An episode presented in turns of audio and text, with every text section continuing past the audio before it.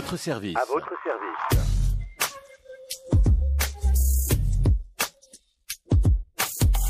Besoin de comprendre, de savoir, besoin de vous informer sur différents sujets du quotidien. Sur différents sujets du quotidien. Éducation, santé, justice et loi. Sur des sujets de société, culture, environnement, sport et histoire. Tout cela réuni sur une même enseigne. Réunis sur une même enseigne. À votre service. C'est tout simplement notre métier. C'est tout simplement notre métier.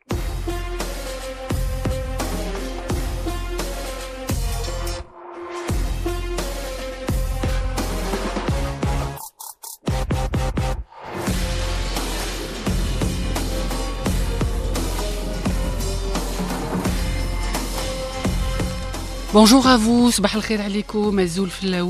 Vous allez bien, il est tout juste 10h03 minutes.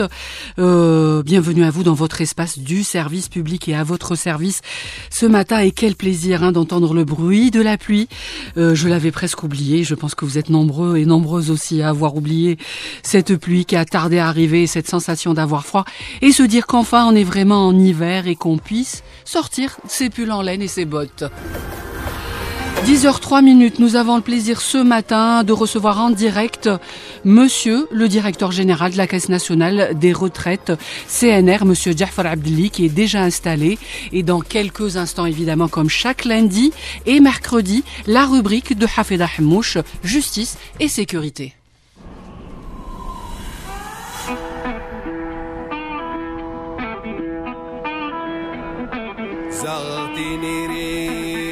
ورتلينا مان زغغتيني ري ورتلينا مان ورتلين ونان ورتلين شكان ورتلين ونان ورتلين شكان ورتلين مقلان زغغتيني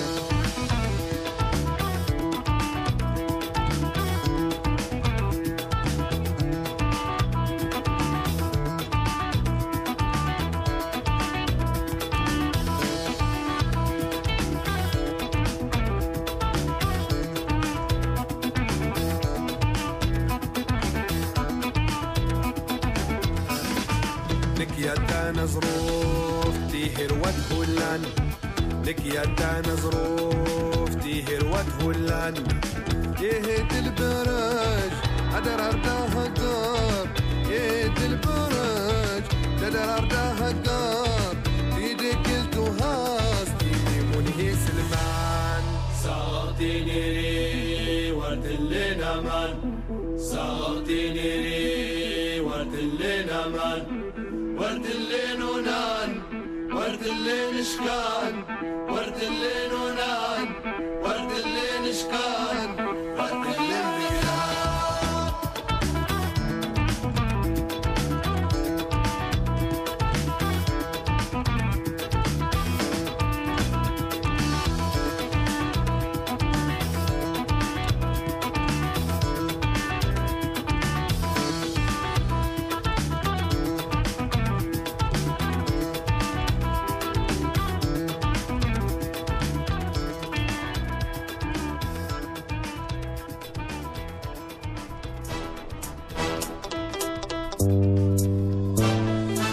À votre service 021 48 15 15. 021 48 15 15. 10h07 minutes, euh, merci de nous rester fidèles. Tout de suite, la rubrique Justice et sécurité. Habeda Hmouch ce matin va parler de la mendicité et de l'utilisation des enfants et c'est tout de suite. Justice. Justice. Besoin de comprendre, de savoir. À votre service. 10h08 minutes, bonjour Hafeda Hmouch. Bonjour Badia, bonjour à votre invité, bonjour à tous. Merci. La mendicité des enfants est de plus en plus présente dans les grandes villes du pays, on le remarque. D'ailleurs, dans la capitale, on l'a tous constaté, des mamans qui utilisent leurs enfants pour mendier et des fois même, malheureusement, des bébés. Tout est mis en place, en tout cas, pour lutter contre ce fléau pour les, pour les pouvoirs publics, Hafeda.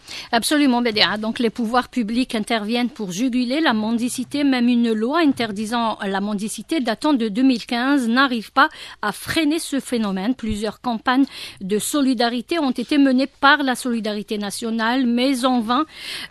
Cette pratique a la peau dure elle finit toujours à revenir, euh, à se réapproprier les rues. Donc sur le terrain, des instructions ont été données aux services compétents pour intensifier les opérations de sensibilisation au profit des parents et le renforcement du contrôle des lieux fréquentés par les modes criminels qui s'adonnent à l'exploitation des mineurs. Il faut savoir, Que sur dénonciation, les services au milieu ouvert sont habilités à engager une enquête et au cas où le danger est avéré, le juge des mineurs sera saisi du dossier pour prendre les mesures qui s'imposent. Le fléau de la mendicité, en fait, a atteint des seuils intolérables. Ils sont partout euh, devant les mosquées, les centres commerciaux, les marchés, au coin de toutes les rues. En fait, ils sont des deux sexes et surtout des enfants et même des tout petits. En fait, le problème relève plus de la criminalité que de la pauvreté. L'Algérie a mis en place une série de mesures euh, pour assurer un monde meilleur aux enfants, même si la réalité du terrain laisse croire le contraire. Absolument. Donc, un arsenal juridique de protection de l'enfant et de ses droits juridiques et moraux s'est consolidé en 2017 déjà par l'adoption d'une série de mesures venues s'ajouter aux efforts d'adoption euh, aux, aux conventions internationales ratifiées et la lutte de lutte contre les dangers qui guettent cette frange de la société. Selon un rapport de l'UNICEF consacré à la situation des enfants en Algérie, le développement et l'épanouissement des enfants ne peuvent se faire sans la garantie de leur protection effective contre la violence, l'exploitation et contre toute autre forme d'abus. Beaucoup de progrès ont été accomplis en Algérie en matière de protection de l'enfant, aussi bien sur le plan législatif et institutionnel que sur le plan de la mise en place de politiques publiques. Selon le réseau NADA de défense des droits de l'enfant, justement, il existe trois types de mendicité d'enfants chez nous. Le premier concerne les enfants exploités par leurs parents biologiques. Le second type concerne les enfants loués, entre guillemets, euh, par des mendiantes et des mendiants moyennant de l'argent. Et la troisième catégorie touche les enfants dont les parents ont une bonne situation sociale. Ces enfants s'adonnent à cette pratique par vice ou pour provoquer l'intérêt des parents. Et pour le secrétaire général de l'Association de protection des enfants, ce phénomène social est encouragé par la population. En offrant de l'argent à des enfants, on encourage d'une manière indirecte ce fléau. Pour lui, il est important de cesser ces mauvaises habitudes, alors que chacun à son niveau, Lutte contre ce phénomène de la mendicité et de l'exploitation de nos enfants. Et surtout la scolarisation des enfants qui est Très obligatoire. importante, absolument. Merci à vous, Hafeda Hmouch. Donc, c'était la rubrique justice et sécurité. On vous retrouve la semaine prochaine. Avec Il est plaisir. 10h11 minutes.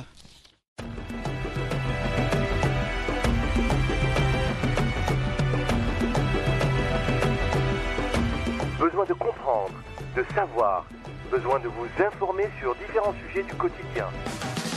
Éducation, santé, justice, des sujets de société, culture, environnement, sport et histoire. Tout cela réuni à la même enseigne. À votre service, c'est tout simplement notre métier. 10h12 minutes, merci euh, de venir en direct. Hein. Monsieur Jafar Abdili, directeur général de la Caisse nationale des retraites, CNR.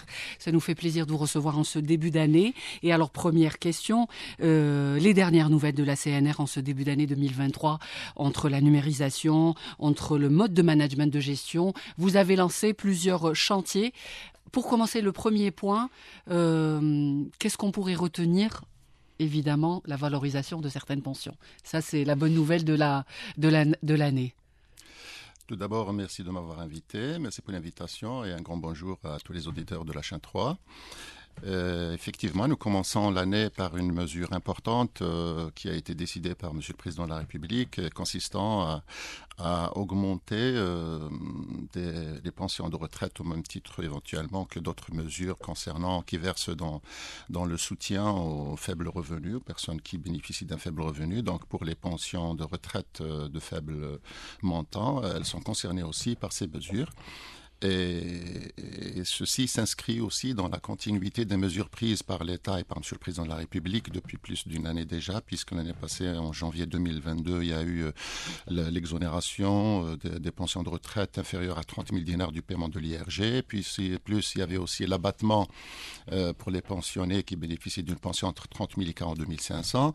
Euh, le mois de mai aussi, il y a eu la revalorisation des pensions de retraite qui étaient avec des taux variables allant de 2% jusqu'à 10%, qui a permis donc, euh, qui a permis euh, à une grande population d'en bénéficier, qui avoisine les 2 millions 900 000 retraités. Et puis aussi, euh, c'était l'occasion, car Monsieur le Président de la République avait décidé de rattraper l'augmentation qui était, qui n'a pas été accordée en 2021. Donc, il a rattrapé, s'est rattrapé par rapport à cette mesure avec un effet rétroactif. Et d'où le, d'ailleurs l'impact financier de, de, de la revalorisation avec celle de 2021 était de l'ordre de 90 milliards de dinars qui, était, qui est vraiment une, euh, très important. Donc pour cette année, nous commençons aussi par euh, une mesure euh, prise par Monsieur le Président de la République qui porte sur trois catégories, trois catégories de, de, bénéficiaires de pension ou allocations de retraite. -hmm. donc la première catégorie, ça concerne les allocataires, ceux oui. qui bénéficient d'une allocation. Juste, il est peut-être nécessaire d'apporter la précision entre une allocation et une pension. Et une pension, tout à fait. Donc on, un salarié -hmm. bénéficie d'une allocation de retraite s'il ne cumule pas 15 années d'activité euh, salariée. Donc s'il a une carrière inférieure à 15 années, en fait c'est entre 5 ans et 15 ans, il bénéficie d'une allocation. S'il a plus de 15 années, il bénéficie d'une pension.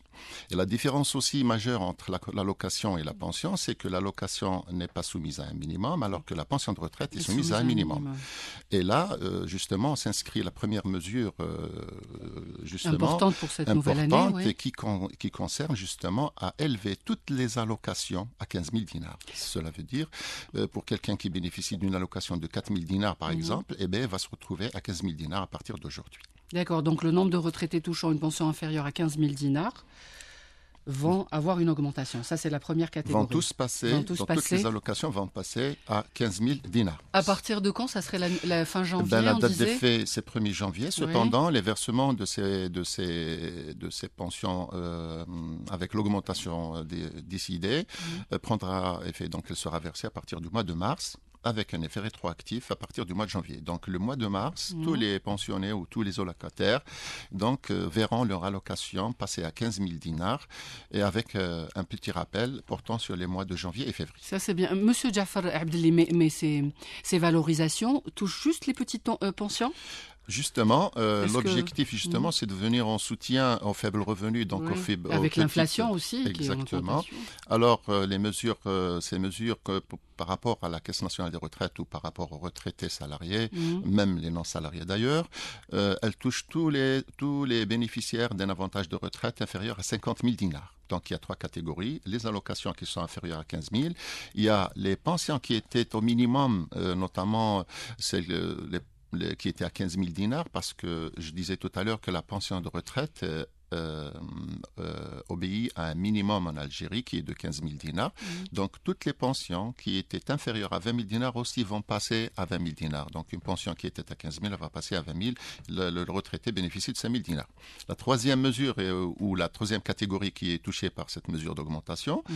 c'est les bénéficiaires d'un avantage de retraite qui se situe entre 20 000 et 50 000 dinars. Là aussi, il y a des augmentations euh, avec des taux variables euh, qui permettent justement à cette population de bénéficier euh, d'une augmentation qui varie entre 2000 et 4000 dinars. D'accord, ça prendra donc effet pour annoncer aux auditeurs À partir du mois de mars. à partir du mois de Et, mars. et elle sera versée euh, selon le calendrier de Mhm. versement des, des- des co- des- des versements des, des pensions et allocations de retraite. Donc il y a tout un calendrier et chaque, chaque retraité a une date précise où Mhm. il peut éventuellement retirer sa retraite.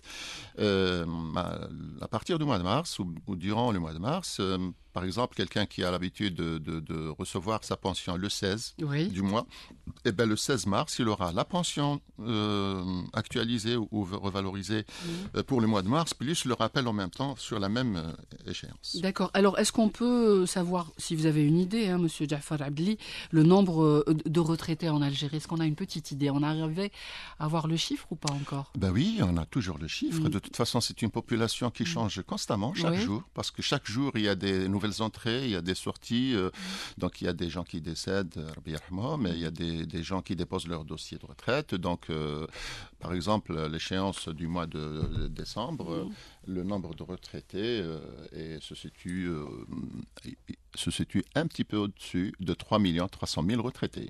3 300 000 retraités. Et par rapport à cette mesure, justement, ce serait peut-être intéressant de le dire aussi, euh, avant que vous posiez la question, j'anticipe. Mhm.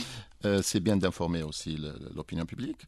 Donc, euh, pour les bénéficiaires de ces mesures en ce qui concerne en, général, parce que les retraités, il y a les retraités salariés et les retraités non salariés. Les retraités salariés sont gérés par la Caisse nationale de retraite et les retraités non salariés, c'est la Caisse nationale euh, des assurances sociales des non salariés, c'est la CASNOS.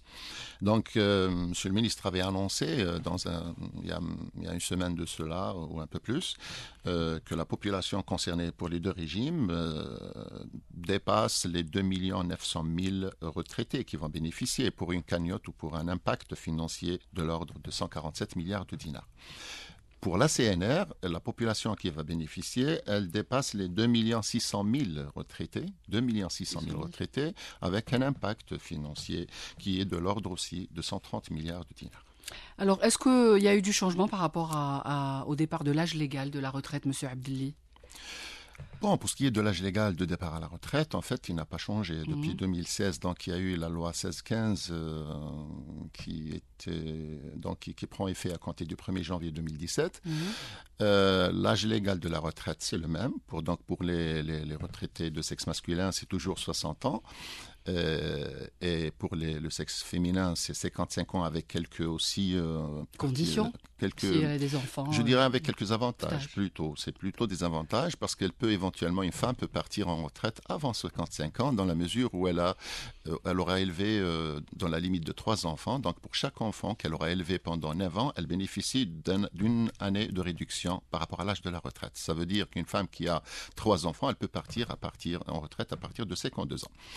Cependant, la nouveauté euh, qu'a ramené le- la loi 1615, c'est qu'elle permet justement euh, aux travailleurs salariés de se maintenir en activité, de rester en activité jusqu'à l'âge de 65 De ans, 65 de façon volontaire. Oui. Ça veut dire il n'est pas Il y obligé. a une demande qui doit être faite, je veux dire, pour En fait, c'est pas une demande, c'est une, c'est une lettre. Oui. C'est une lettre. Il doit notifier Mhm. à son employeur l'intention de poursuivre l'activité au-delà de l'âge légal qui est de 100 ans, par exemple, pour le sexe masculin. Donc, c'est une, euh, une notification qu'il doit, un courrier qu'il doit adresser à son employeur. avant quelle date Trois monsieur? mois Trois avant mois. le 60e Certains vous disent une année, mais non, vous précisez, Monsieur Abdelli, que c'est trois mois avant. C'est euh, pas moins de trois mois. Le- le- la date trois limite, c'est trois mois. Voilà. Et est-ce Et que il peut partir après, entre 60 et Oui. 65 ans, il peut partir à n'importe quel moment, oui, selon sa propre volonté. Cependant aussi, il doit informer son employeur deux mois avant de partir. Pour, pour la femme, c'est la même chose. la femme, c'est la même Trois chose. mois avant. Cependant, pour la femme, c'est 55 au lieu de 60. D'accord, au lieu de 60 ans. Et est-ce qu'ils sont nombreux? Vous avez une petite idée? Est-ce qu'on va plus loin vers la retraite? Est-ce qu'on reste encore jusqu'à 65 ans? Eh ben oui. par rapport aux, euh, aux- aux ben, chiffres que vous avez au niveau de la eh- CNR, eh Monsieur Abdelli Oui, bon, je ne peux pas vous donner des chiffres précis, et quand bien même Une on peut petite le idée, savoir, oui, parce voilà, qu'on a un parce système vous- d'information euh, Oui, qui peut tout nous donner. Alhamdoulilah, euh, Mhm. nous nous sommes euh, bien investis dans le monde du digital et du numérique. Euh, on y, on- on y euh, reviendra évidemment, c'est un peu si l'actualité. voilà, voulez, de- oui, parce que de toute façon, nous avons quand même un data center euh, qui Mhm. obéit aux normes internationales. Euh, Donc, euh, et depuis, on a développé toute une panoplie de, de- de services et Mhm. d'applicatifs qui nous permettent de maîtriser tous ces aspects. Mais nous avons constaté éventuellement qu'il y a beaucoup de personnes qui, euh, du fait que c'est euh, laissé à leur gré, donc Oui. ils, ils préfèrent quand même euh, euh, rester en activité. Ça leur permet de gagner un peu plus, et du Mhm. moins pour ceux qui ont un état de santé qui leur Qui leur permet permettent, justement. sûr, donc euh, les gens sont favorables à cette mesure. Est-ce que, c'est, est-ce que les, les hommes sont plus favorables que les femmes? Est-ce qu'elles restent en activité jusqu'à 65 Je ans? Pense, avez une petite euh, idée Je pense que oui. C'est peut-être un peu plus les hommes que les femmes. Effectivement, les Mhm. femmes, bon, même euh, si elles décident de rester en activité, elles vont au-delà de 55 ans, oui. Mais arrivé à 60 ans, je pense que c'est beaucoup de femmes souhaitent euh, quand même euh, s'arrêter. Alors, Monsieur Abdelli, euh, la nouvelle année, est-ce qu'elle s'annonce euh, pour la caisse euh, de retraite euh, nationale de retraite déficitaire ou pas? Comment vous êtes? Comment vous, se portent vos caisses? En fait, euh, la Caisse nationale des retraites, Mhm. c'est un service public. Oui. C'est un, service organisme public, public. C'est une institution de Oui. l'État qui est, qui est censée euh, donc euh, mener Mhm. euh, ou exécuter une politique de, de l'État. Mhm. Donc, euh, en fait, dès lors qu'on parle de l'État, je dirais même qu'on qu'on peut ne pas parler de déficit, puisqu'il y a toujours l'État qui est garant de la Mhm. pérennité du système, qui est garant de la poursuite du paiement des pensions de retraite. Donc, il n'y a aucun souci là-dessus. Je dirais même que durant l'année 2000, puisqu'il y a des mesures qui sont un effort qui est fourni. Oh, y a- la, par caisse a été renflouée. euh, Exactement. Voilà, par l'annonce a été faite par d'autres l'État. mesures aussi. oui. Euh, ce qui nous a permis éventuellement de, de- de ramener euh, Mm. le besoin à combler en matière de financement pour l'exercice 2022 se situe aux environs de 376 milliards de dinars. D'accord. On part, tous les retraités partent avec une prime de départ ou pas, Monsieur Abdelli? La prime- Avec la situation économique du pays Non, la prime de départ à la retraite ne dépend pas de la Caisse nationale de retraite, elle Mhm. dépend de l'employeur. Tout dépend de, du, du- du- du- du- du système ou de, Mhm. ou de la branche, euh, parce qu'il y a les conventions de branche, il y a les conventions collectives. Euh, C'est plus des accords qui sont conclus entre les travailleurs et les employeurs, donc nous nous ne sommes pas concernés par ça. Même pas une idée. Non, non, du tout. D'accord. Parce qu'il dit. Est-ce que c'est un droit ou pas? Vous avez une petite Non, non, ça ne nous Ça concerne vous pas du concerne tout. pas, pas. D'ailleurs, c'est une, oui. c'est une prime qui ne rentre même pas dans le calcul de la pension de retraite. D'accord. Voilà, ça n'a pas de... Alors, vous savez qu'il va y avoir un reportage dans quelques instants, 10h24 minutes. Euh, Monsieur Jafar Abdelli, je rappelle que vous êtes directeur euh, général de la Caisse nationale des retraites. Vos appels au 021 48 15 15. Alors, on a parlé un petit peu de la valorisation des pensions de retraite. Si vous avez envie de rajouter, n'hésitez pas. Mais là, on va directement vers la numérisation au niveau de la Caisse nationale des retraites. Où en est-elle? Et je sais qu'il y a eu un bond. Maintenant, euh, vous avez, comme vous avez, vous l'avez annoncé, un data center. Vous avez des services électroniques que vous proposez. Donc, est-ce qu'on peut euh, expliquer aux auditeurs quel service réellement vous le proposez, CNR, aux usagers? Euh, oui, oui, vous avez Mhm. raison donc de, le- de- de l'annoncer de cette manière. Effectivement, la Caisse nationale des retraites a enclenché le processus de digitalisation et de numérisation depuis plusieurs années.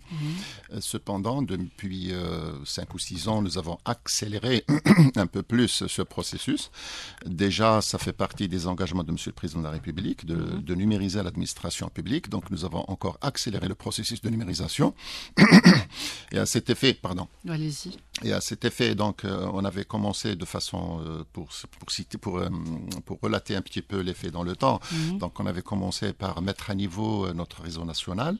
Euh, Aujourd'hui, donc, tous les points, notamment les 61 agences et éventuellement les 226 euh, centres d'accueil et d'orientation, les centres de proximité que nous créons, que nous ouvrons au niveau des communes et d'AIRAT pour approcher justement l'administration du retraité Mhm. ou de ses usagers. Donc, on a, on a la, la- notre, la connexion y est entre, avec, euh, entre l'ensemble des points. Donc, le réseau national s'étend à tous les CAO euh, à l'échelle nationale.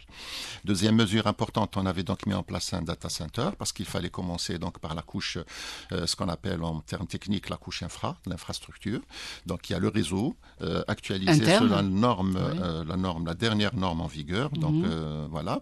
Et puis le data center qui est aussi conçu selon les normes internationales. Et la, la, la- la phase d'après, c'est la couche applicative et la couche service. Donc on a développé beaucoup de services permettant justement aux usagers de pouvoir éventuellement de bénéficier de certains services, voire à distance.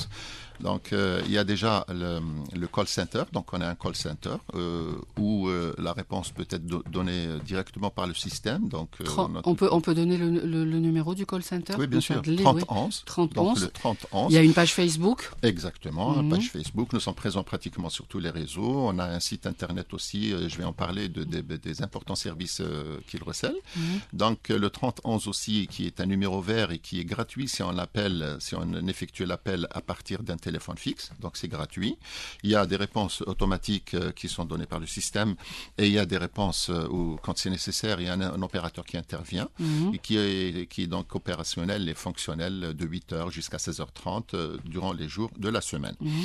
La deuxième mesure aussi, c'est qu'on a développé euh, une application mobile, euh, une application mobile qui est bien bien étoffée en -hmm. matière d'application. à télécharger gratuitement. À télécharger okay. gratuitement sur le, le, la plateforme Play Store.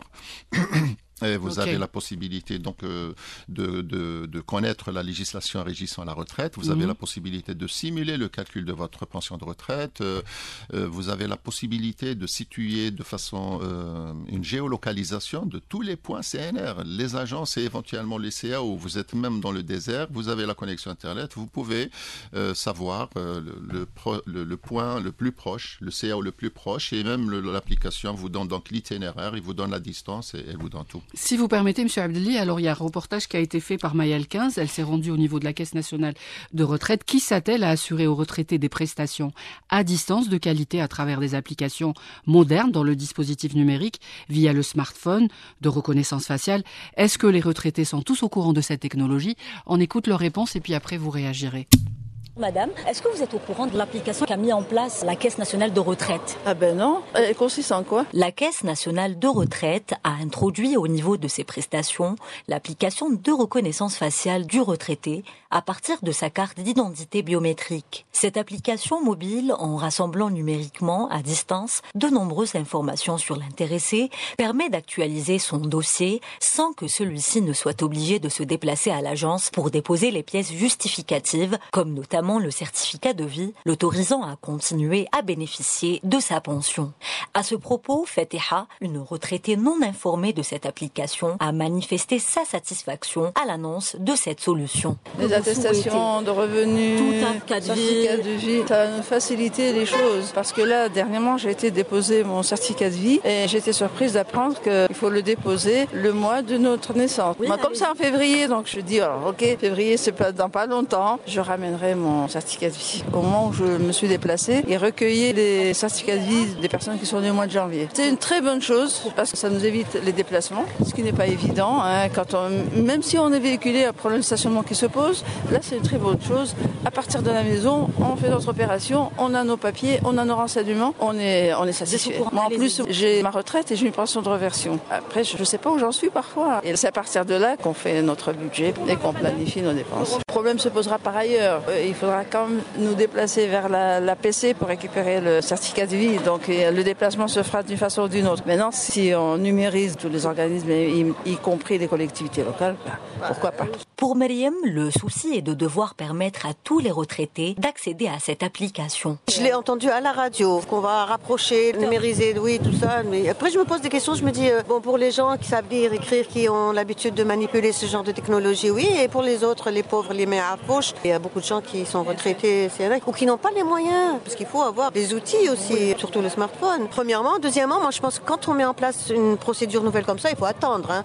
Après, comment ça, ça va se dérouler, quelles sont les difficultés. Je pense qu'il faut attendre encore un peu pour donner son avis. Mais en attendant, il faut voir les retombées, comment les conséquences. Est-ce que vraiment euh, tout le monde a accès? Est-ce que ça va pas? Je pense qu'il faut attendre un peu pour voir est-ce qu'il faut rectifier le tir? Pour faciliter encore plus les choses? Ben, je pense. Hein. Moi, ça m'a paru très. Dès que j'ai entendu, ça m'a personnellement, ça m'a paru difficile. De façon générale, je me dis en Algérie, euh, c'est pas évident. Toujours des embûches, il y a des Seulement, il faudrait aussi donner aux gens la possibilité d'accéder à tout ça. Je pense qu'ils devraient continuer dans cette voie. Par exemple, pour euh, ces documents qu'il faut fournir, essayer aussi de les faire entrer dans cette numérisation pour que les gens ne se déplacent pas. On est en train d'avancer petit à petit. J'espère qu'il y aura des résultats positifs sur toute la population algérienne. Pour les retraités Mohamed et Yassine, ce dispositif est un moyen d'éviter les fausses déclarations. Je trouve que c'est logique parce qu'il y avait trop de trafic dans le temps. C'est-à-dire qu'il y a le père ou la, mère qui était retraité, il décède, donc il y a un manque de sincérité de la part des ayants droit ou de ses enfants. Au lieu de déclarer à temps, il suffit de connaître l'application et là il est en contact avec la caisse de retraite. Je n'ai pas eu l'idée de la télécharge. Pourquoi? Je me pose la question. Ben, c'est une tare de ma part. Je ne suis pas à la page. Est-ce que vous comptez le faire? Oui, bien sûr. Je vais la télécharger pour me faire gagner du temps. Et, même je la conseille à d'autres. Mais c'est intéressant. L'application pour moderniser le secteur, mais c'est splendide. La prévision qu'ils ont fait à la CNR, c'est un très bon travail. En long terme, qui les applications de téléphone, ils vont faciliter le pour les retraités, surtout pour les âgés. J'ai téléchargé l'application AD, mais ça, j'ai pas eu le code parce que je pour reconnaissance faciale. Sauf les retraités, qui il est mort, et encore il touche sa pension. Maintenant, maintenant, l'année prochaine, ils touchent leur pension. Il est mort, et il fait un certificat de CTA. On des progrès. Une voilà, du secteur de la CNR. On espère mieux. À cette application de reconnaissance faciale s'adjoint un dispositif d'aide administrative et sanitaire à domicile composé d'assistantes sociales pour les retraités en difficulté de plus de 80 ans en matière de dossier médical, d'équipement, chaises roulantes, matelas, etc. Tous ces accompagnements ont pour objectif de réduire l'affluence des personnes âgées aux agences locales, de mettre à jour en temps réel leurs dossiers, en un mot, d'améliorer la qualité de prise en charge des retraités de la CNR. 10h33 minutes, réaction, monsieur Jafar Abdelli. Je rappelle que vous êtes directeur euh, général de la Caisse nationale des retraites. Nous écoutions le reportage à l'instant de Mayal 15, qui a été juste euh, à la rencontre hein, des usagers à la sortie de la Caisse nationale des retraités. Euh, oui, oui, euh, mm. effectivement, c'est un peu une réalité. Euh, il y a beaucoup de gens qui ne savent pas qu'il y a ce service. Il y a beaucoup de gens peut-être qui ne croient pas que ce service va vraiment rendre les choses plus faciles pour eux. Pour nous, c'est une mesure de facilitation. Est-ce que ça a changé la, la, gestion, par exemple, mode de management ou de gestion au niveau de la Caisse nationale des retraites pour vous et pour les usagers? La numérisation Est-ce ah que bah vous avez un retour? Ah bah oui, la numérisation elle nous a mm. beaucoup vraiment euh, mm. aidé. Nous sommes en train, je dirais même, euh, j'ose utiliser le mot de révolutionner le mode de gestion chez nous, qui nous permet d'avoir une maîtrise totale. Euh, je pourrais citer un, petit outil en interne, parce que la mm-hmm. modernisation, il ne faudrait pas l'avoir uniquement à travers les services dont bénéficie le, retraité.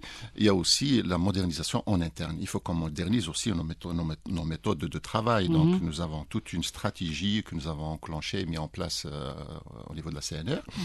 Et particulièrement, nous avons donc un outil, un service électronique euh, que nous avons tous sur notre mobile mhm. portable. Il est sur les PC et sur les portables. Tous les directeurs, tous les cas supérieurs ont ce service qui s'appelle le TDR, le, la traçabilité du dossier de retraite. Par exemple, pour la liquidation du dossier de retraite. C'est-à-dire tous les dossiers de retraite ont été numérisés?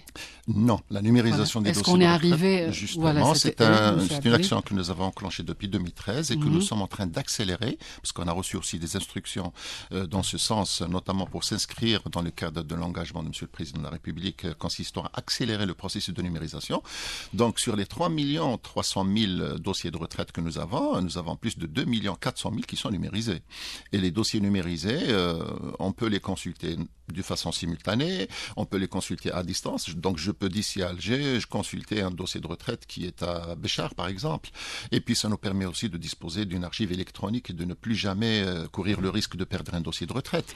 Et puis aussi ça nous permet aussi de préserver l'état physique du dossier. Mhm. Donc c'est très, très, important. Et pour l'usager concrètement, qu'est-ce que ça ça change sa vie Pour, l'usager, juste la question qui vient d'être posée sur la page, donc en parlant de, de, de en disant que ceux qui n'ont pas la possibilité, les démunis, pas de smartphone pas possibilité d'avoir l'application de la reconnaissance faciale. Est-ce qu'on a pensé encore à, est-ce qu'on a pensé à eux? En fait, euh, pour pour cette catégorie de personnes, il faudrait se, se se rappeler juste une chose. Puis, euh, nous, pour nous, ça, c'est une mesure de facilitation. Donc, c'est à, à bon preneur, quoi. Pour ceux qui veulent Ceux qui en peuvent, la profiter, Roma ceux Barek, qui voilà. peuvent, tant mieux. Ouais. Sinon, le reste, c'est la méthode classique. On n'a pas, on ne peut pas improviser une autre méthode. D'accord, mais est-ce que vous voyez, il y a plus de, de monde qui viennent au niveau de- de- de- des caisses ou moins? Est-ce que vous avez Euh, une petite Je vais idée? juste rappeler une Oui. chose, c'est que pour pouvoir euh, profiter de ce service, éventuellement, parce qu'il y a un citoyen, euh, euh, j'apprécie la réaction, Oui, sa réaction, puisqu'il dit que je n'ai pas de code en fait. Mhm. En fait, il faut avoir un code, il faut se rapprocher de la Caisse nationale de retraite, ou bien physiquement, ou bien à travers son site euh, internet. Donc, Mhm. euh, sur le site, on a trois espaces. On a le site euh, retraité, le site salarié et le site et la plateforme plutôt. C'est pas un site. Le site il, con- il contient trois trois espaces. Espace retraité, espace salarié et espace employeur. Et là, le retraité, il, s'inscrit, il doit s'inscrire et on lui, donne donc euh, un compte avec un mot de passe et à partir de ce, de, de ce moment, il pourra éventuellement utiliser ce code euh, une fois qu'il aura téléchargé l'application sur son portable. Deuxième euh, mesure nécessaire, c'est que le retraité doit passer au moins une fois au niveau de nos services avec sa carte nationale d'identité biométrique, Biométrique, électronique oui. pour Mhm. pouvoir ou pour nous permettre éventuellement de télécharger sa photo. Mhm. Euh, Pourquoi la carte nationale d'identité biométrique? Tout d'abord parce que c'est une euh, mesure euh, excellente qui a été donc mise en œuvre par l'État et il faudrait bien en profiter. Et nous sommes peut-être parmi les premières institutions à, à- à l'exploiter, cette CNIB. Et de deux, le- la CNIB donc recèle et renferme beaucoup d'informations concernant la personne et c'est important pour nous l'identifiant national. C'est l'identifiant Si vous l'avez, national. l'identifiant Voilà, national, le reste, le- voilà, le reste est facile pour numériser. Tout à fait. Et Mhm. puis aussi la qualité de l'image, la photo qui est d'une excellente qualité. Parce que pour pouvoir comparer deux choses, il faut que la qualité soit vraiment euh, au, au point.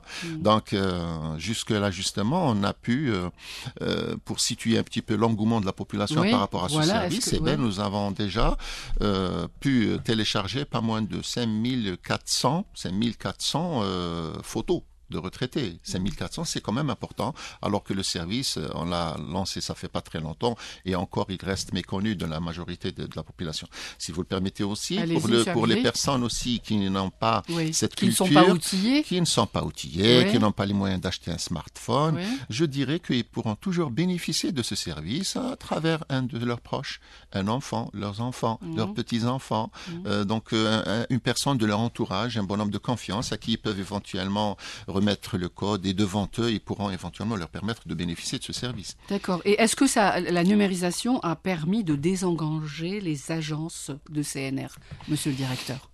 Euh, désengorger déjà à- par le passé, euh, par rapport au passé, justement, on a une amélioration dans le sens où les délais de liquidation des dossiers de retraite ont été vraiment, vraiment euh, ré- rétrécis.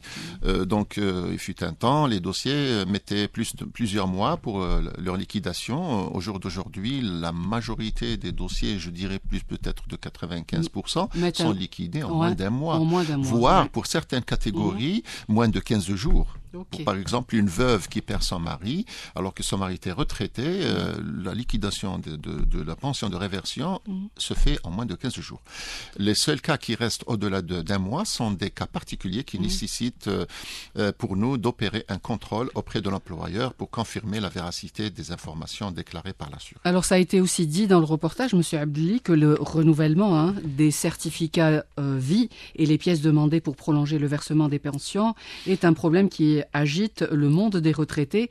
N'est-il pas possible de mettre en place une procédure automatique, l'état civil étant entièrement numérisé Justement, dans Mhm. le cadre de cette euh, notion ou cette, euh, ou cette problématique qui consiste pour nous à renouveler les pièces euh, dans le sens de confirmer le statut de retraité. Parce que et, et surtout cette pièce-là, Monsieur Abdeli, le Oui, oui, oui. certificat de vie. Mm, En fait, c'est le certificat de vie, l'attestation de non-remariage, l'attestation de non-activité sont toutes des pièces qui ont le même poids, en fait. C'est le même poids.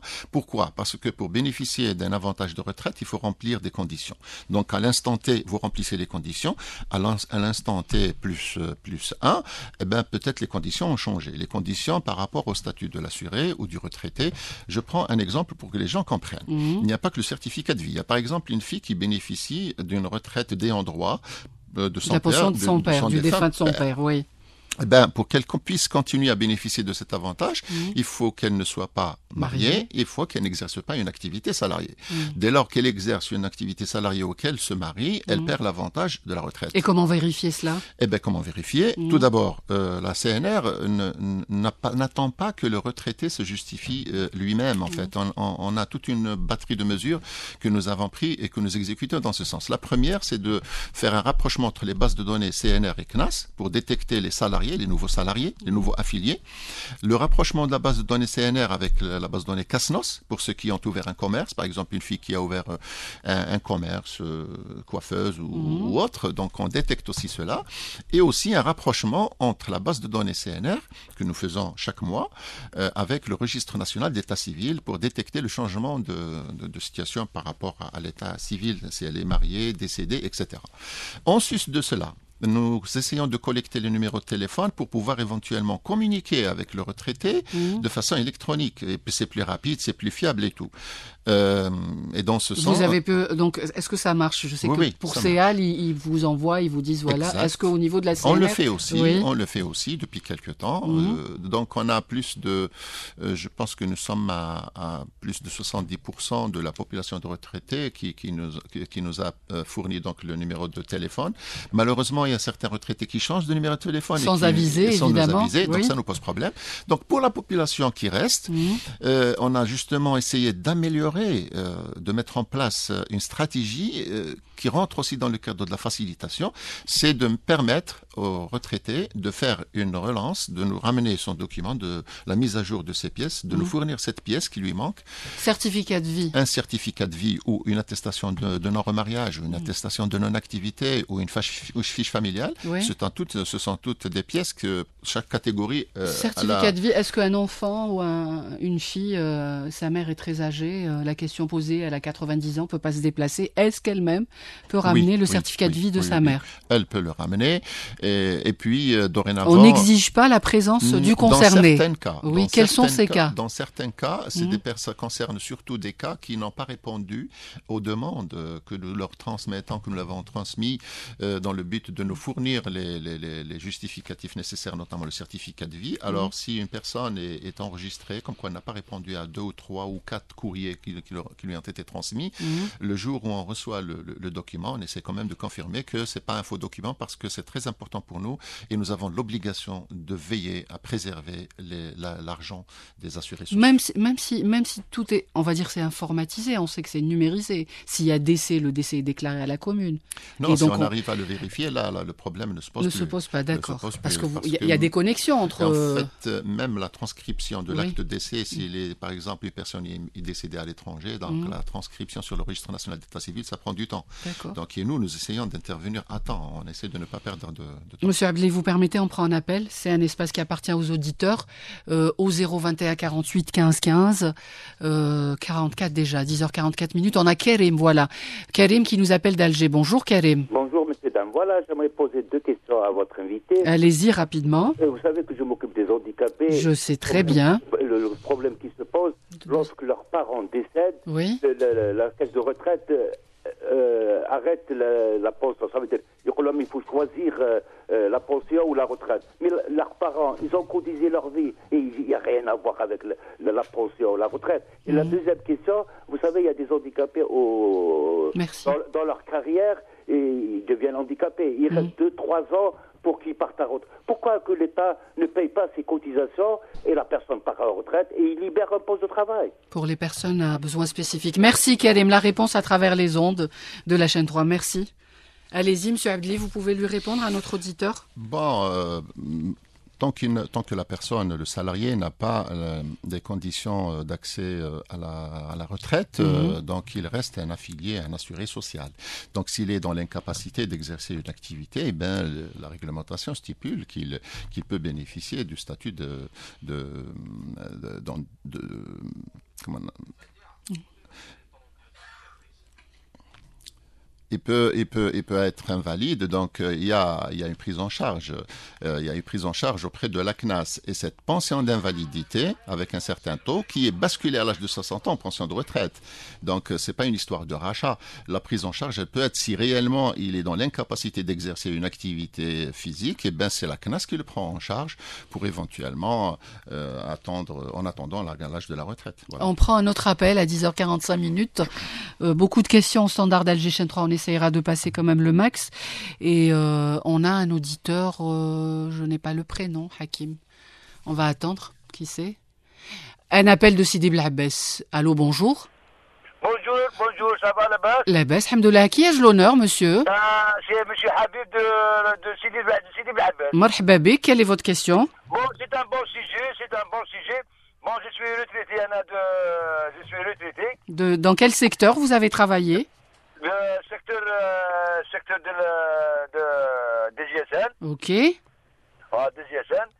Euh, Est-ce que je, je, je, peux poser une question Bien sûr, tfaddal, tfaddal. Oui, oui, vous êtes en direct. Euh, parce que, parce que euh, l'émission a dit, c'est bon, Mhm. c'est bon.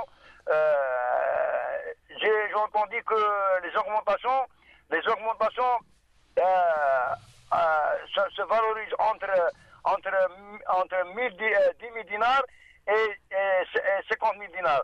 Est-ce que pour une paix, pour une retraite, euh, plus de 50 000 dinars, ça veut dire 6 000, 60 000 dinars, 70 000 dinars, 80 000 dinars, euh, 90 000 dinars. Est-ce que, est-ce qu'ils bénéficient d'une augmentation D'une augmentation. D'accord. Euh, ce, ce, ce, mois de mars? Oui. D'accord, d'accord. Je, veux, je, veux, je veux une réponse, s'il vous plaît. Vous allez avoir la réponse à travers les ondes. Yatek Saha. Bislama. Est-ce qu'on peut lui répondre à notre auditeur de Il n'a pas laissé son prénom hein, de, de, Sidi Blabbès, voilà. Oui, bien sûr. Mm -hmm. euh, bon, je veux, je, je, voudrais juste rappeler. On sait que c'est un retraité que... de la DGSN. Oui, voilà oui, ce qu'il a dit. Je, je, voudrais juste rappeler que la mesure qui par, est décidée par mm. Monsieur le Président de la République consiste à venir en soutien aux faibles revenus et faibles pensions, qui sont donc limités à 50 000 dinars. Cependant, il, il, a dit, euh, il a dit que ça concerne entre 10 000 et 50 000 en fait, c'est pas 10 000 et 50 000, mmh. ça concerne euh, toute la population qui bénéficie, tous les, tous les bénéficiaires d'un avantage de retraite mmh. dont le montant est inférieur à 50 000 dinars qui seront touchés par cette mesure. Ouais. Pour les autres, supérieurs à 50 000 dinars, ils mmh. doivent attendre la, la revalorisation prévue annuellement vers le mois de mai. D'accord. Une question récurrente, Monsieur Abdelli, alors euh, est posée par le retraité. Pourquoi doivent-ils payer l'IRG alors qu'ils ont déjà payé sur leur salaire? Y a-t-il des discussions pour essayer de changer euh, cette loi? Non, je voudrais juste rappeler aussi, comme je viens de le faire au début de l'émission, que mmh. depuis euh, janvier 2000, 2022, donc tous les bénéficiaires d'une pension de retraite à fait inférieure à 30 000 dinars ne payent pas l'IRG. Donc l'IRG est exonéré, ils sont exonérés de payer l'IRG pour Donc, les moins de 30 000 dinars, ils ne payent pas l'IRG. Entre 30 000 et 42 500, ils ont aussi bénéficié d'un abattement, mmh. d'un abattement depuis janvier 2022. Euh, maintenant, pour ce qui est du reste, pour les personnes qui, qui bénéficient d'une pension de retraite supérieure à 40 500 dinars, mmh. là, jusqu'à au jour d'aujourd'hui, la réglementation stipule qu'ils doivent quand même payer leur IRG. Mais vous avez, vous disiez aussi hein, dans une de vos annonces qu'il y, y a une réflexion sur les aspects juridiques liés à la retraite. Est-ce qu'il y a une petite idée de, de ces aspects? Est-ce que quelques... Non, non, non. Pour nous, nous sommes, nous sommes de toute façon une caisse de retraite, nous mmh. sommes un service public, oui. nous sommes tenus de faire toujours des études, de faire toujours euh, des analyses, euh, de, de, voir un peu où est-ce que nous allons. Euh, nous avons des actuaires qui mmh. essaient de nous éclairer aussi. Euh, notre souci, c'est d'améliorer de, la gestion de la, caisse, de la caisse sur tous les aspects. Donc la réflexion... Euh, oui d'améliorer de, existe et elle est toujours là. En réflexion. Alors, l'équilibre financier du système de retraite par répartition est menacé par la baisse de nombre du cotisant par retraité. Pour y faire face, est-ce que la CNR participe à la lutte contre le travail informel et contre le chômage? Appuie-t-elle les demandes d'augmentation de salaire qui se traduisent par une hausse des cotisations, Monsieur Abdelli?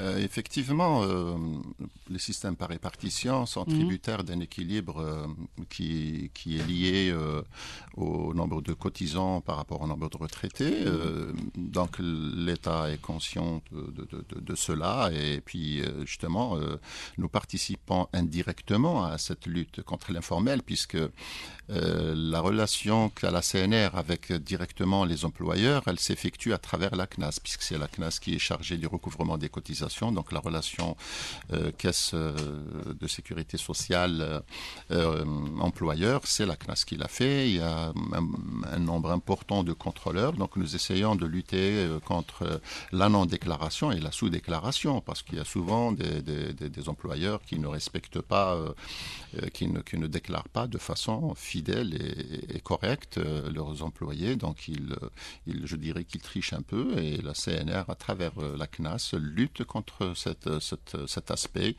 Et même l'État est conscient de, de, de- de- de- de ce point. On prend notre appel au 021 48 15 15 Mahfoud. Bonjour. Bonjour madame, bonjour à votre euh, invité. Tfaddal. Voilà, c'est- Voilà une question très simple. Oui. Puisque euh, l'augmentation décidée par les pouvoirs publics touche les gens qui touchent moins de 50 000 dinars, c'est ça? Oui. Est-ce que vous ne pensez pas, est-ce que me- monsieur de, de- le responsable de la, de la CNR, Mhm. je ne pense pas que même les gens qui touchent 80 000 dinars et 90 000, c'est aussi des, des bas salaires compte tenu de l'inflation qu'il y a. Ok, c'est noté. Vu l'inflation Oui. très très soutenue, elle est, elle est là, l'inflation, elle, est, elle est majeure. Mhm. Est-ce que, est-ce que on pense pas que même les gens qui, tou- qui touchent 80 000 Bien dinars- sûr, c'est- c'est c'est parfois pas assez. On sait que quand un œuf fait 22 dinars, hein, c'est. c'est ça, les vraies- c'est ça les vraies, Dix- les vraies questions, madame. Oui, merci beaucoup Mahfoud. Ça va être, c'est noté hein, à travers les ondes, Monsieur Abdeli. On peut lui répondre à notre auditeur. L'inflation euh, Ah ben bon, qui euh, touche quand même tous les foyers et les salariés et les retraités. En ce qui nous concerne, en Après fait, la euh, pandémie, le, le monde a changé. Ben bon, le, le pouvoir d'achat, c'est une question qui dépasse un peu Mhm. les prérogatives De la Caisse nationale ouais. des retraites. Nous sommes euh, là, nous sommes euh, juste euh, appelés à préciser et à faire comprendre aux citoyens les mesures prises par l'État. Et puis, euh, ce ne sont que de premières mesures, puisque parallèlement, il y a d'autres mesures qui se font. Euh, donc, tout ça rentre dans le cadre d'une politique globale. Et puis, comme je viens de le signaler aussi, euh, euh, les, les retraités qui touchent par exemple 80 000 dinars, ils pourront toujours, euh, bi'idhnillah, euh, bénéficier de la revalorisation annuelle qui est prévue euh, par l'article 43 de la loi 83-12. Donc, euh, il n'y a pas de, y a pas de souci. Voilà. Parce Mais pour le moment, la priorité est à accordée ceux qui, bien aux sûr, à faibles ceux qui revenus. touchent aux faibles revenus, voilà, et vivement, hein, parce que tout a augmenté sur euh, sur le marché. On peut remplir un couffin difficilement. D'ailleurs, on pense à ces familles démunies. 10h53 minutes. Une question euh, d'un autre d'un auditeur, 32 ans de service, et il n'a pas 60 ans. Est-ce qu'il, euh, comment la CNR pense à cette catégorie, Monsieur Abdeli Pour le moment, euh, l'âge de- légal de la retraite, c'est 60 ans pour Mhm. les hommes, pour les personnes de sexe masculin. Euh, pour la retraite, 32 ans sans condition d'âge, elle a existé donc par le passé dans le cadre d'une mesure exceptionnelle en fait, l'ordonnance 97-13 qui a été instituée en 1997. C'était, elle était liée à la conjoncture économique du pays euh, qui prévalait à l'époque, et c'est un dispositif qui a été maintenu pendant 20 ans, alors que la, situation de, euh, je dirais qu'elle s'est quand même, la, situation exceptionnelle ne l'était plus, elle, a commencé à changer progressivement. Euh, là, tout ce que je peux vous dire, c'est que ce n'est pas d'actualité compte tenu du faible ratio euh, cotisants-retraités. Nous sommes il est, à- pratiquement... il est le nombre de combien ce, ce Nous ratio de à cotisants moins de deux cotisants pour un retraité, alors que le système par répartition exige qu'il y ait cinq cotisants pour un retraité. Donc, euh, nous sommes en phase de lutter contre l'informel, nous sommes en phase de développer une relance économique, et c'est c'est une fois ces, ces paramètres réunis qu'on pourra éventuellement envisager d'autres mesures. D'accord. 10h54 minutes, est-ce qu'on peut rappeler? C'est presque la fin de l'émission. Donc euh, la modernisation, on en a parlé. Alors il y a une application, il y a également euh, une page Facebook, il y a le site internet. Vous m'en avez pas parlé, monsieur, Oui, le, oui, monsieur bon, le- Abdelé. le- Et le call center. Ok, bon, pour le Rapidement, call- si vous permettez. Pour hein. le call center, Mm. donc ça nous permet de répondre aux doléances des citoyens à travers euh, des appels téléphoniques de façon automatique et par opérateur. Et Mhm. puis je disais que l'appel, quand il est effectué à partir d'un téléphone fixe, il est gratuit, c'est un numéro vert. Mhm. Pour ce qui est du site internet, donc il y a trois espaces. L'espace salarié qui permet justement aux salariés euh, qui sont à l'approche de la retraite, à deux ans de la retraite, ils peuvent justement s'inscrire, bénéficier d'un code pour pouvoir éventuellement consulter leur carrière. Mhm. Par le passé, c'était le parcours du combattant pour justifier la carrière. Aujourd'hui, nous avons toutes les déclarations de salaire déposées par les différents employeurs au niveau ou auprès des différents régimes de sécurité sociale qui ont existé depuis 1950, tout est numérisé chez nous. Mhm. Donc, en un clic, il peut avoir sa carrière. Donc, il peut avoir une, un- il peut avoir une vision sur sa carrière et Mhm. il peut même savoir à combien il, va sortir par Bien à son sûr, salaire. là, il ouais. peut faire une simulation, Une simulation, à travers et le de calculateur le de, retraite. Ouais. Et aussi, il pourra éventuellement introduire une requête à travers le site pour dire, par exemple, qu'il y a une année qui me manque. Donc, il nous renseigne, il nous oriente et on va repousser, faire des recherches un peu plus approfondies et on pourra éventuellement lui compléter sa carrière. Donc, si on fait une reconnaissance de carrière efficace, le délai de liquidation de la pension Mhm. de retraite va Mhm. être réduit. Deuxième espace, c'est l'espace employeur, qui est une nouveauté aussi. Aujourd'hui, les employeurs, à travers leurs correspondants sociaux, peuvent éventuellement euh, de- demander les retraites, euh, introduire le formulaire de demande de retraite à distance. Et puis les dossiers, il peut les compléter un peu plus tard avec sur un rendez-vous. Et le troisième espace, c'est l'espace retraité. Donc le retraité aussi euh, peut s'inscrire sur la plateforme, bénéficier d'un compte et d'un mot de passe, et ça va lui permettre aussi de suivre la liquidation de son dossier de retraite. Donc tout ça, donc ce sont des mesures ça en importantes. ligne. Bien sûr que ça. Et puis par Mm. ailleurs aussi, euh, à défaut d'avoir du temps, je ne Mm. souhaiterais pas oublier aussi Oui, que nous, nous mot, œuvrons beaucoup, nous œuvrons beaucoup à rapprocher l'administration de, de notre de nos usagers Mm. et de développer aussi une, un meilleur accueil. D'ailleurs, euh, dans ce sens, nous œuvrons à améliorer notre accueil et nous venons de, de bénéficier de l'appel de qualité de, auprès de l'Institut algérien. Vous avez de- eu un label. Nous avons euh, eu le label au niveau de 22 agences sur les 61 et nous Sur avons le territoire national, sur- 22 agences Sur les 61 Mhm. euh, agences. Et nous avons l'ambition justement d'aller euh, à 100%. de- Est-ce qu'on entendra plus cette phrase quand on arrive au niveau de la caisse C'est un problème de système? En fait, le système, c'est un petit peu lié à la qualité de Oui, mais- l'Internet. mais on le dit encore, hein, même si vous avez je modernisé, pense- je- numérisé, Je, ça- pense que ça se fait de moins en moins. Il faut reconnaître que Oui. les gens sont beaucoup mieux pris en charge et sont beaucoup mieux satisfaits. Nous œuvrons à les satisfaire à 100%. Et je, et je suis convaincu. Un dernier mot, c'est bon? Vous Ben, reviendrez quand vous voulez, Monsieur Abdelis, s'il y a des merci annonces. beaucoup hein. pour cette invitation. Eh nous ben, sommes c'est- là au service public, nous sommes là pour informer la population euh, et nous sommes à l'écoute. Je rappellerai que juste que nous sommes présents sur plusieurs plateformes, les réseaux sociaux, un Et site que vous répondez tout de etc., suite et d'ailleurs. Merci beaucoup, Merci Monsieur vous. Abdeli. Euh, Jafar, je rappelle que vous êtes directeur euh, général de la Caisse nationale des retraites. Voilà, c'est fini pour aujourd'hui. Merci à Hakim Ben Moussa qui a réalisé l'émission, à Yessi, notre cher régisseur, et à notre euh, Siddiq, voilà, technicien. J'y arrive, j'ai pas oublié, tu vois. On se retrouvera dimanche pour un autre sujet de service public, l'émission et podcast sur Radio Algérie chaîne 3. Prenez soin de vous. Yemen H.